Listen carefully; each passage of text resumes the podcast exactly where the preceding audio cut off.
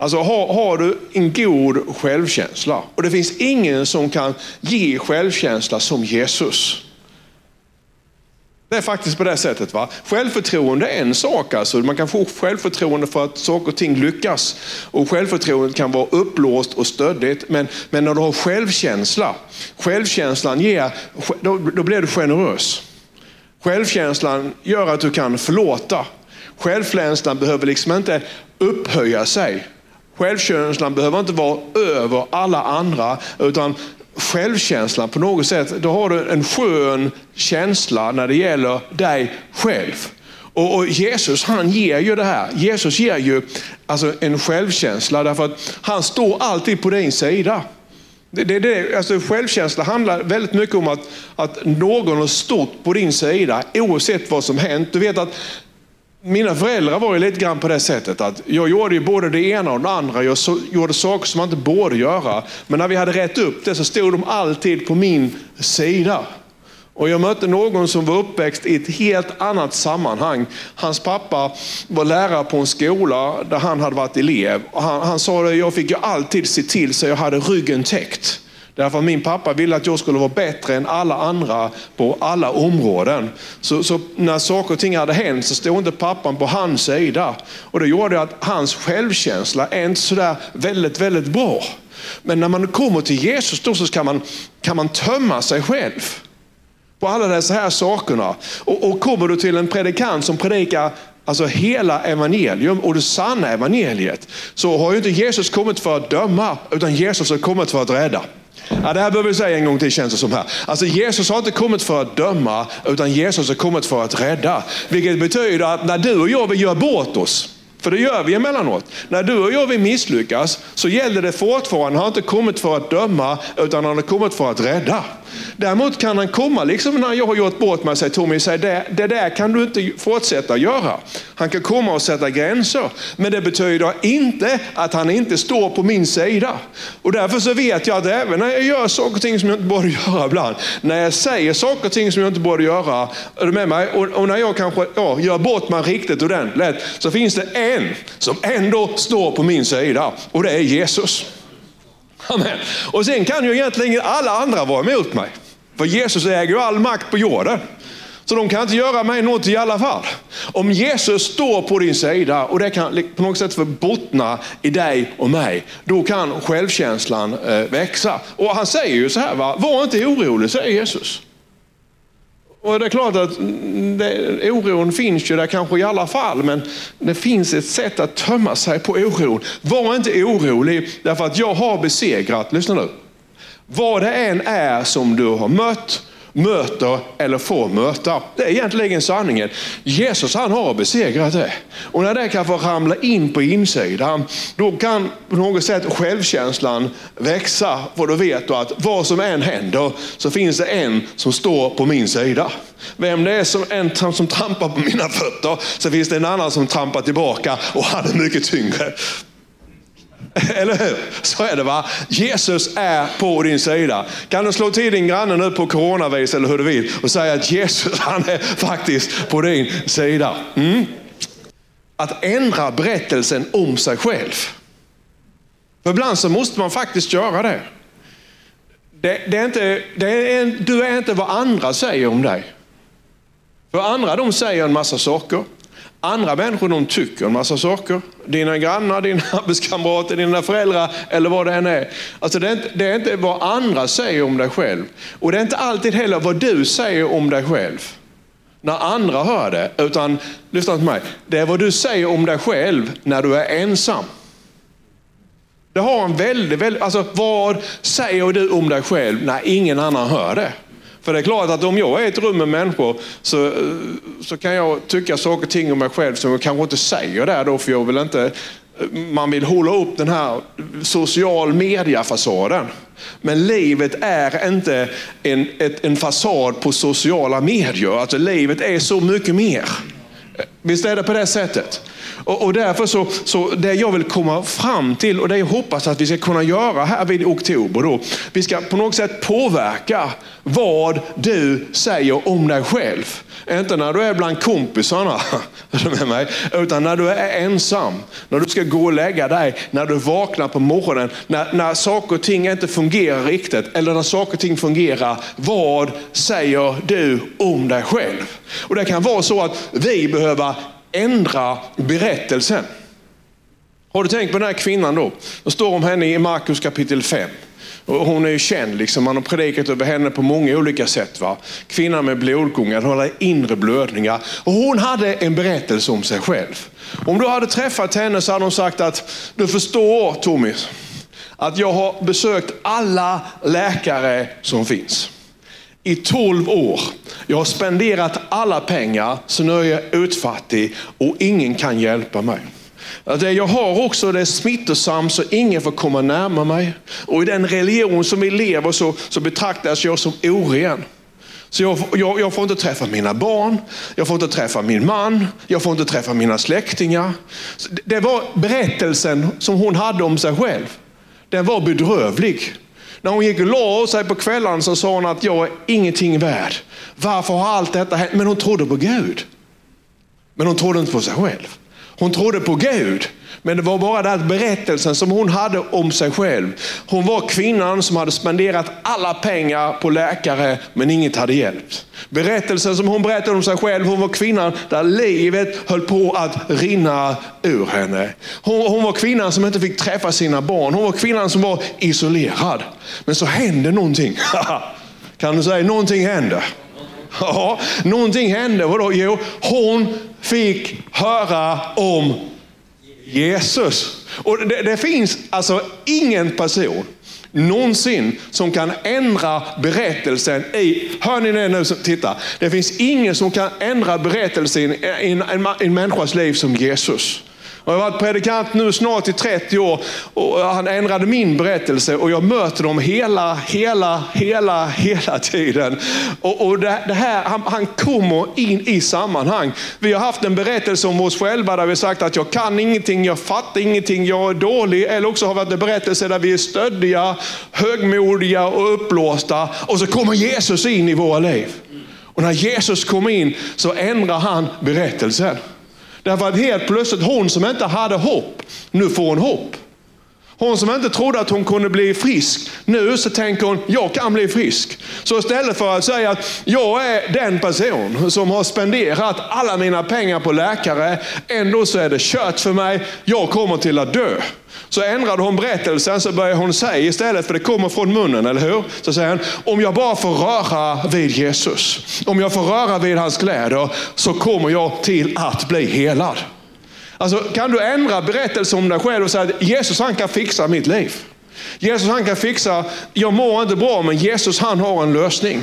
Det funkar inte med mina barn men Jesus han har en lösning. Du kan ändra berättelsen från att vara en berättelse som är på väg ner till en berättelse som är på väg upp. Det var väldigt vad det blev tysta här. Kan ni säga det en gång till? Va? Alltså, om, om du tänker efter nu. Vi älskar ju egentligen när människor kommer upp. Vi kallar det för vittnesbördsmöte. Alltså, då kommer man upp och berättar. Och så vill vi att de ska berätta att, att mitt liv var hopplöst. Och sen fick jag möta Jesus. Och då ändrades hela min berättelse. Och det är det jag har tänkt här vid i oktober. Att alla har en berättelse i sitt liv som behöver ändras. Så är det va? Alltså jag har tänkt på mig själv också. Jag har några saker i mitt liv, där behöver berättelsen ändras. Om du som tittar nu säger, att mitt liv fungerar ganska så bra. Ja, det gör det säkert, vill jag inte säga. Men kanske är det någonstans vi kan ändra din berättelse. Några har liksom berättelser som verkligen behöver ändras. Och Jesus kan ändra berättelsen i ditt liv. Och jag vet inte om han tittar nu, men jag har en fantastisk vän borta i Finland. Han, han var på väg ner riktigt, riktigt rejält. Och, ja, vi känner ju varandra väldigt väl. Han, han, är bara ett exempel bland tusentals som vi har mött de sista 30 åren här. Va? Och, och han, hans rockband spelade på platser där man inte ska spela musik överhuvudtaget, där man inte ska vistas. Och han drack en Koskenkorva om dagen. Och han var helt slut, alla hans inre organ och läkarna väntade egentligen på att han skulle dö. Det fanns inget hopp. Och hans familj liksom på något sätt, ah, ingenting fungerade. Och då kommer Jesus in i hans sjukdomssal. Eller hur? Och vad gör Jesus då? Jo, Jesus förändrar hans berättelse. Amen. Och det är det här vi älskar ju. Det finns ingen som kan förändra berättelser som Jesus. Och vad Jesus vill göra nu, det är därför som jag predikar detta, här. Han vill ändra din berättelse. Då har jag en fråga till dig. Har du en berättelse som behöver ändras? Ni som sitter här, har ni en berättelse som behöver ändras? Ja, och Jesus han kan göra det och vi ska göra det i Jesu namn. Kan du slå till din granne och säga vi ska göra det i Jesu namn. Sådan som Kristus är, sådana ska vi vara i världen. Det är ganska tufft egentligen. Alltså. Sån som Jesus är, sån är du och jag tänkt att vara i världen. Och, och Jesus han är väldigt mycket, så där kan vi inte gå igenom allt nu. Men en sak som Jesus han gjorde, det var ju att Jesus han, han talade till problemen. Eller hur? Han talade till vinden. Han talade till stormen. Han talade till havet. Han talade till den döde Lazarus. Han talade till sjukdomen. Han talade till demonerna. Alltså han, vad han gjorde så talade han. Men har du också tänkt på att han, han frågade också människor, vad säger du? Alltså han, han, var väldigt intresserad därför att det här vad vi säger är, är, är oerhört viktigt. Alltså när han, när han sitter ner och, och, så pratar han med människor därför att han ville lyssna vad de sa och han ville att de skulle prata. Han ställde frågan till lärjungarna, vilken säger människorna att jag är? Och sen när han hade berättat vad människorna sa så säger han till Petrus, men du då Petrus, vem säger du att jag är? Alltså vad säger ni om er själva? När, när, när de kommer med kvinnan och säger till Jesus att, att, att det som hon har gjort, vår Mose lag föreskriver att hon ska stenas. Och när, när, Jesus då har pratat med dessa här människorna och sitter ner med henne, så, så, så återger man inte hela konversationen. Han pratade med henne. Hon fick prata ur sin besvikelse, jag är säker på. Och sen säger han till henne att gå nu, säger han, och du kan inte fortsätta att leva så som du gjort, för det kommer inte att fungera. Gör så här istället. Alltså, människor fick ju hela tiden prata, han intervjuade, de sa att det som de tänkte på, det som de bar på, det, det, det fick komma ut. Och därför är det väldigt viktigt. Va? Det är som, som mött Karin och jag vet ju det här med, med, med, med det läkande samtalet. Va? Att, att när du och jag vi då får, får, får börja säga vad vi har på insidan. Och då, då kan sanningen komma fram. Men också lögnen. Därför att om du bär på en lögn, Kom igen, och det här är väldigt bra. Om du bär på en lögn, då behöver du berätta lögnen. Så att inte den är instängd. Du behöver någon som du berättar det för. För du ska lära känna sanningen och sanningen ska sätta dig fri. Men det kan vara så att du, du liksom läser sanningen och så bär du på lögnen. Om du då kan tala ut lögnen. Så här tror jag och så här tänker jag. Och så kan någon annan säga, men, men det är ju inte sant. Nej, jag vet det, men jag har det på insidan. Att du behöver släppa ut det. Alltså, om du, du kan berätta lögnerna som du har på insidan så kan vi ändra berättelsen i ditt liv. Och, det vi vill då det är att, att under så här dagarna i oktober då, att du ska lära känna sanningen. Och sen ska du börja tala ut sanningen. Men när du talar ut sanningen så kan du också tala ut lögnerna. Så att lögnerna kan släppa dig, för detta är inte sant. Den här kvinnan trodde ju att allting var kört, men det var inte kört. Jesus kom in och ändrade berättelsen. Och sen har man ett behov av att prata och prata. Det har jag lärt mig nu. Så, så, när det är någonting som trycker på insidan, då har jag en terapeut hemma som kan terapera mig. I frikyrkan ibland så tror man att terapeuterna de är terrorister. det är inte så att hon terroriserar mig, utan hon teraperar mig. Det är väldigt skillnad på det. Finns det ordet i Svenska Akademiens ordlista? Nej, det har jag uppfunnit själv sen jag träffade Karin Wennerlöf Lilja. Att man kan bli teraperad. Och det, det, kan ni behöva göra hemma också. Inte terrorisera varandra nu då, utan att terapera varandra. Att man, man säger saker och ting och sen jämför man det med Jesu undervisning. Därför att man lär känna sanningen och sanningen ska sätta oss fria, eller hur? Och det här har jag sagt några gånger och jag ska säga det igen. Jesus han säger, tala till berget. Tala, tala till berget. Tala till berget. Var finns berget? Berget finns utanför dig. Eller hur? Och sen säger han till, tala till mullbergsträdet. Jag, jag, jag vet att jag har predikat det innan, men jag, liksom, som lärare så är det också så att repetition är källan till kunskap. Så vi repeterar här. Mullbergsträdet är på insidan. Därför att när Jesus undervisar om mullbergsträdet så börjar han undervisa om oförlåtelse och säger han var på er vakt. Därför att oförlåtelsen den har du på insidan och den kan växa som ett mullbärsträ. Alltså mullbärsträdets rötter förgrenar sig i hela människans inre själ. Och av oförlåtelsen så kommer avundsjuka, här kommer illvilja, är du med mig? Här kommer hat, här kommer bitterheten. Men säger Jesus, du kan tala ut det. Du kan tala dig ut ur oförlåtelsen. Du kan säga förlåt. Du, du, kan tala om det, så här sakerna. Du kan, du kan, du, det enda sättet är egentligen, säger Jesus, du kan, du kan tala till mullbergsträdet och det ska vi göra när vi ber sen och dessa, dessa dagarna i oktober. Vi ska tala ut det. Vi ska tala upp det. Vi ska kasta mullbärsträdet i sjön så det som är förgrenat insidan av dig och mig, att det kommer ut. Så är det va? För då kan någonting annat få komma in. För oftast är det så här att det här bygger på lögner och missförstånd och det kan komma ut. Och, och, det är ju väldigt viktigt med det här med förlåtelse. Och, och det är ju så va, att, att nu, nu menar jag inte dig som, som har varit utsatt för ett riktigt, riktigt övergrepp. Det finns ju människor som har blivit våldtagna. Det finns människor som har blivit svårt, svårt misshandlade. Och, och det finns, finns övergrepp av alla de slag. Men vi vet, nu är det så att jag har jobbat i frikyrkan i 30 år. Och, det, de, som, som dessa svåra, svåra övergreppen, det är ju en liten procent. Och där är ju förlåtelsen en process. Det tar tid, det ska bearbetas och det ska läkas. Men du vet att frikyrkan, och jag känner er där ute, det finns en stor, stor grupp som bär på oförlåtelse när det gäller saker och ting som du bara kan bestämma dig för att jag förlåter nu. Alltså det, det som när Jesus han då säger att allt vad ni ber om och begär, tro att ni har fått det, det ska vara ert. Och när ni då ställer er och ber, förlåt. Alltså du kommer aldrig förbi förlåtelsen. Och vi har ju försoningens ämbete. Eller hur? Kom igen nu. Så, så jag menar det, va? det är klart att det var någon som sa någonting, eller jag fick inte sjunga kören. Och, och det var i min tid att städa den veckan, så var det någon annan som hade tagit sopborsten. Att det är ingen anledning att gå och sur för de sakerna i flera år, så det växer och det blir bitterhet, det blir ett stort mullbärsträ på insidan av dig. Hallå, är du här? Utan de flesta av dessa sakerna kan du och jag vi, vi släppa.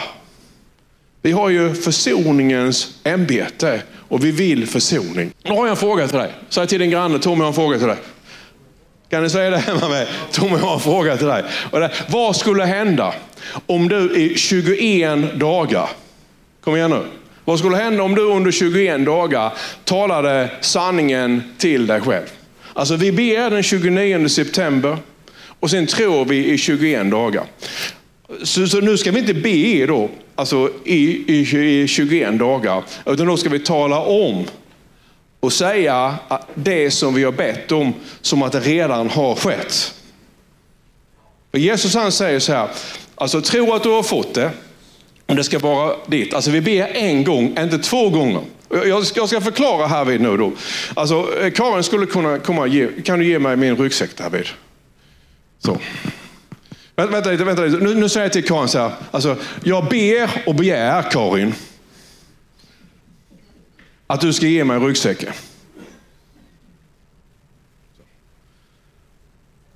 Ja, ena sidan här. Sådär. Så, det blir bra så. Ena sidan, så. Du Karin, kan jag få ryggsäcken? Karin, jag ber och begär att du ska ge mig ryggsäck. Kom här nu kvinna. Det är så folk talar till demonen. I Jesu namn, ge mig nu ryggsäcken. Så, många, vet många kristna håller på så här. Bara. Karin, kan du ge mig ryggsäcken? Jag vill ha ryggsäcken. Jag ber och begär att du ska ge mig ryggsäcken. Kan du ge mig ryggsäcken kvinna? Kom här nu. Kom här. Kom här nu med dig. Det bara är så här va. Ja, det är besvärligt här. Nu är det bara så här, jag ska ha ryggsäcken. Kan ja, du ge mig ryggsäcken? Du har ju redan ryggsäcken. Nej, jag ska ha ryggsäcken. Nu ber, jag begär i Jesu namn, ge mig ryggsäcken. Ja. Va? Har jag den här redan? För det är det Jesus han säger. va? Allt vad ni ber om och begär, tro att du har fått det, så ska det vara ditt. Va? Kan, kan, du förstå meningen? Alltså, alltså när, du, när, när vi då ber den 29 september, då, då ber vi enligt allt vad du ber om och begär, tro att du fått det bönen. Du måste bara se till att det är täckt med Guds ord och att det är Guds vilja. När vi sen har bett och begärt, då säger Jesus, tro att du har fått det, så ska det vara ditt. Men många människor liksom, de ber och begär och sen så säger Fader i Jesu namn, jag ber och begär att jag ska få en ryggsäck. Den ska vara snygg, svart skinn och så ska jag ha den liksom här, va? Så här, lite häftig så här. Och sen får du ryggsäcken, men du märker inte att du redan har fått det. Och sen håller du på varje dag och frågar efter att du ska få det som du redan har fått. Har jag gjort min poäng här nu? Ja. Så vad vi ska göra då, det är att vi ska be och begära. Det som du behöver, problemet. Eller också så kan det vara så att det, det bara är löften då som är dina alla redan i Jesus Kristus. Så som när Israel skulle inta landet så sa Gud till Josua, det är ert. Gå och ta det. Alltså löftena är redan våra i Jesus Kristus. Så min tanke är då att skulle du kunna tänka dig att om jag skriver en liten, liten bön så här, så kan du förändra den också. Jag skriver dels om löftena, sen en del som du får fylla i själv. Och sen en som, som gäller folkkyrkan här och ni kan skriva om era församlingar. Sen börjar vi, sen ber vi den 29 september och sen så talar vi ut detta här i, vadå? Jo, i 21 dagar. Vi ber inte om det igen. Utan vi betalar ut det som att det är vårt. Då säger Tommy, har du bibelord på detta här? Ja, det har jag. Titta nu här ska du se. Då står det här i Jakobs brev kapitel 2 och 2. Om någon är felfri i sitt tal så är han en fullkomlig man som också kan tygla hela sin kropp. Så att alltså, dina ord påverkar din kropp. Står det så eller står det inte så? Ja, han säger här va? Är han en fullkomlig man som också kan tygla sin kropp, så du kan påverka din kropp med vad du säger. Sen står det här vid då i Romarbrevet 10 och 10 att med hjärtat så tror man och blir rättfärdig och med munnen så bekänner man och blir räddad. Och då tänker man, ja, då har man ju bara med, med frälsning. Nej, det är inte så det står. va? Det står att med hjärtat tror, du tror i ditt hjärta. Du tror på Gud som är här. Eller hur? Ja. Och du tror också på Guds ord, det vet jag. Du tror på Guds löften. Men då står det här alltså, du tror med ditt hjärta, men det är när du bekänner det som räddningen sker. Så det är därför du tror att Gud lever, att Jesus är en son. Men när du säger att Jesus är en son, det är då som räddningen sker. Men det här är ju, är ju generellt. Det är därför som Jesus säger att du kan tala till, eh, du kan tala till berget. Du kan tala till mullbergsträdet. Du tror ju i ditt hjärta att du kan kasta mullbergsträdet i sjön. Vad ska du då göra? Tala, så blir du räddad. Tala till berget. Så när du då börjar bekänna det som är ditt, löftena som är dina i Jesus Kristus. Varför det då? Jo, därför att alla Guds löften, en gång till, har fått sitt ja och amen i Kristus. Amen. Alltså, tiden går åt alla redan. Kära Gud.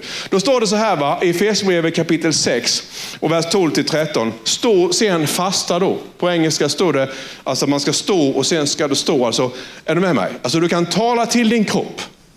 Du kan tala till saker och ting. Mm. Om du då tror, och jag vet ju att ni tror, det är inget fel på tron. Det är bara det, hur ska vi använda tron? Amen. Det är inget fel på tron. Du har tron. Det är inte det jag säger till någon. Jag säger Tommy, du säger jag har ingen tro. Du har fått ett mått av tro av Jesus, det vet jag. Därför det står i Bibeln. Och det måttet av tro som du har fått räcker. Kom igen nu, för några av er tänker att jag behöver tro lite mer. Eller jag, du har, du har, du har tro så det räcker. Tro som en senapstrån räcker, säger Jesus. Och du har fått ett mått av tro. Och Gud ska inte vara sån att han, han ger dig för lite tro till det du ska göra. Kom igen nu, hör ni vad jag säger? Alltså Gud har gett dig det mått av tro, så det, det räcker.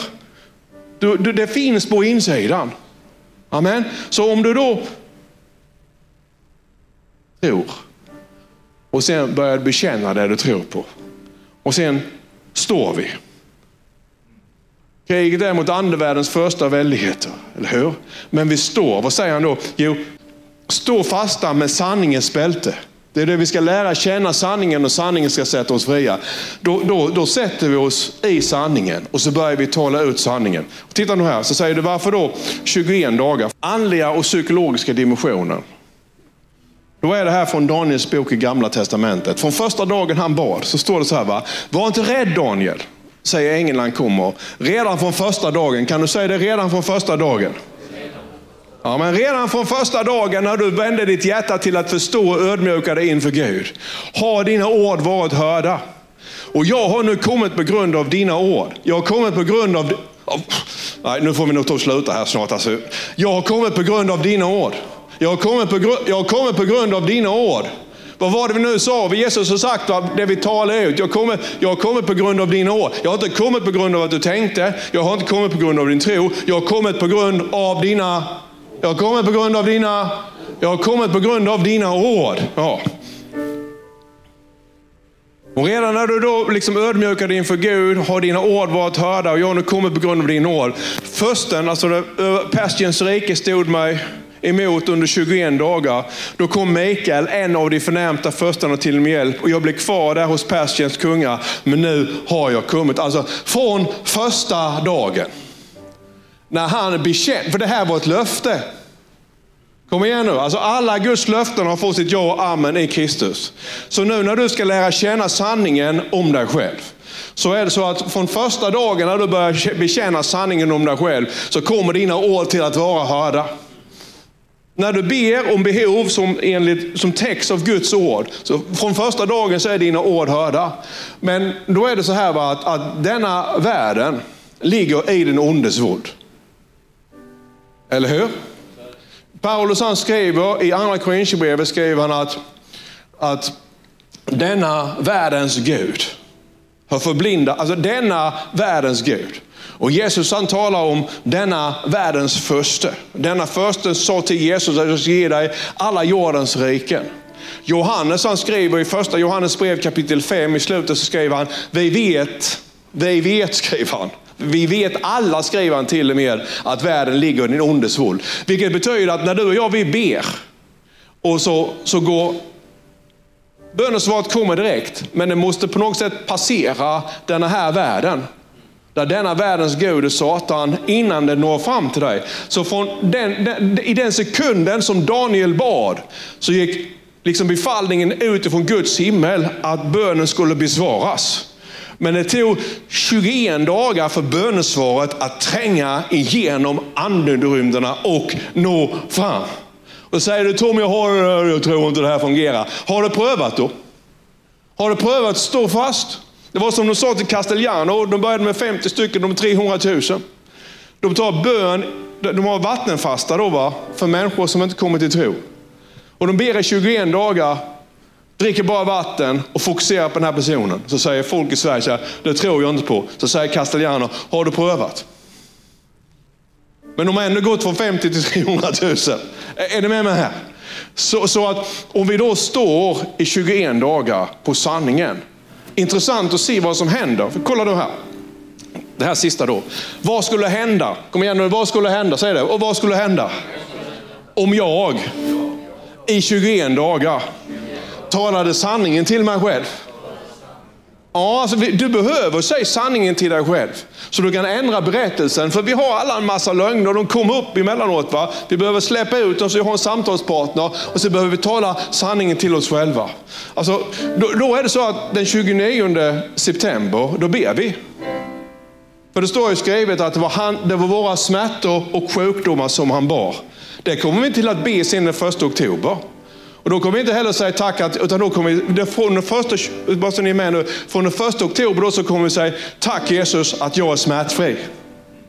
Men om, om jag sen inte är smärtfri då, då säger vi det i alla fall. På morgonen när du vaknar och du känner att det kryper i hela kroppen säger tack Jesus att jag är smärtfri. Vid lunch då så ber du igen. Tack Jesus att jag är smärtfri. På eftermiddagen så säger du tack Jesus att jag är smärtfri. Så vi ska inte be igen. Men säger, men du vet Tommy, det var, jag läste någonstans, här, vi pratade om det nu på eftermiddagen, att, att man ska bulta, bulta. Ja, det är klart att man får bulta emellanåt och be, be rätt så länge kanske. Det säger Jesus också, att vi ska tjata lite grann på Gud. Men har du bett nu 35 år så tycker jag att du har tjatat tillräckligt länge. Då är det dags att slå in dörren. Alltså då är det kanske så att bönesvaret är där alla redan. Är ni här? Alltså vi, vi, nu är det så här va, att vi tar Jesus på orden och Jesus har sagt att allt vad du ber om och begär, tro att du har fått det. Så har du då fått ryggsäcken så säger du, nu har jag en ryggsäck. Så vi kommer alltså inte till, att, till sen att börja säga att vi kommer inte att be i 21 dagar om att du ska bli frisk. För då kommer vi att säga, jag är frisk i Jesu namn. Jag är frisk i Jesu namn. Det har släppt i Jesu namn. Det har släppt i Jesu namn. Jag är frisk i Jesu namn. Alltså, vi står på i Jesu namn. Kan du se detta? Ja. Och två då. Alltså, jag älskar så som Jesus har älskat. Tänk en hel församling som ber så. Därför att det är ju det bud som Jesus ger oss. Och, och nu ber vi eh, den 29 september. Och så ber vi Fader i Jesu namn så, så tackar jag dig för att du ska fylla mitt hjärta med kärlek. Så att jag ska älska andra människor så som Jesus har älskat mig. Amen. Och tror du på det då så, så ber vi det och sen börjar vi säga det. Och så säger du för dig själv, sen 21 dagar så säger vi, jag älskar andra människor så som Jesus har älskat mig. Vad tror du kommer hända med dig om du säger 21 dagar sträck flera gånger om dagen, jag älskar människor så som Jesus har älskat mig. Vad händer med en församling som hela, hela tiden bekänner, jag älskar så som Jesus har älskat mig. Jag älskar så som Jesus har älskat mig. Bara, bara smaka på det, jag älskar så som Jesus har älskat mig. Därför då, då smälter ju våra hjärtan, eller hur? Då börjar vi förlåta, då börjar vi försonas, då börjar vi säga att det kanske var mitt fel att det där hände. Är du med mig? Alltså, jag älskar så som Jesus, bara smaka på, kan säg så här, jag älskar så som Jesus har älskat mig. Säg, jag älskar människor så som Jesus har älskat mig. Alltså jag har redan börjat göra det här och det, det har en effekt på mig. För att ja, nu när jag möter människor så här så, så finns det, man behöver liksom bryta dessa här vanemönstren. Och sen så är det då va, att vad händer med din familj? Vad händer med kyrkan? Vad händer på jobbet om du börjar bekänna dessa här sakerna? Jo, du kan ändra berättelsen om dig själv. Du börjar tala sanningen till dig själv. Och då, då finns det en psykologisk studie som, som menar att om man bekänner dessa här sakerna i 21 dagar så påverkar det dig väldigt, väldigt kraftfullt. Så finns det någon annan studie som säger att det tar lite längre tid för att bryta banor. Men jag vet inte vad som är rätt eller fel här. Men en sak vet jag. Alltså vi ska ändra berättelsen om folkkyrkan. Vi ska ändra berättelsen om din familj. Amen. Vi ska ändra berättelsen om din stad. Vi ska ändra berättelsen om dina barn. Vi ska ändra berättelsen om ditt liv. Vi, ska, eh, vi kan ändra berättelsen om alla församlingar i Sverige. Vi kan börja tala ut vilka vi är i Jesus Kristus och börja tala sanningen om oss själva till dess att sanningen den vibrerar i oss alltid. Halleluja! Och jag vet ju till er som jag talar, för det var ju så det som grep mig när jag blev frälst. Och man är ju så arg på sig själv att man inte, ibland tycker man har inte kommit så långt. va. Men man älskar ju att leva i sanningen. Vet, helhet betyder upprättad helhet. Man blir hel igen. Amen. Så att, eh, ska vi stå upp tillsammans Arvid? Och du som sitter hemma nu i soffan ska du stå upp tillsammans med oss också. Och så ska vi be tillsammans. Därför att vi tror och jag, jag, vill också detta här, för jag, jag, är trött på mig själv i vissa sammanhang. Jag vill att berättelsen ska ändras om mig. Jag vill bli mer lik Jesus i alla sammanhang. 24 timmar om dygnet. Visst är det på det sättet? Vi vill sova som Jesus, vi vill äta som Jesus, vi vill tala som Jesus, vi vill gråta som Jesus, vi vill skratta som Jesus, vi vill älska som Jesus. Och det kan vi göra, halleluja. Det är ingen utopi, men då måste vi ändra berättelsen om oss själva.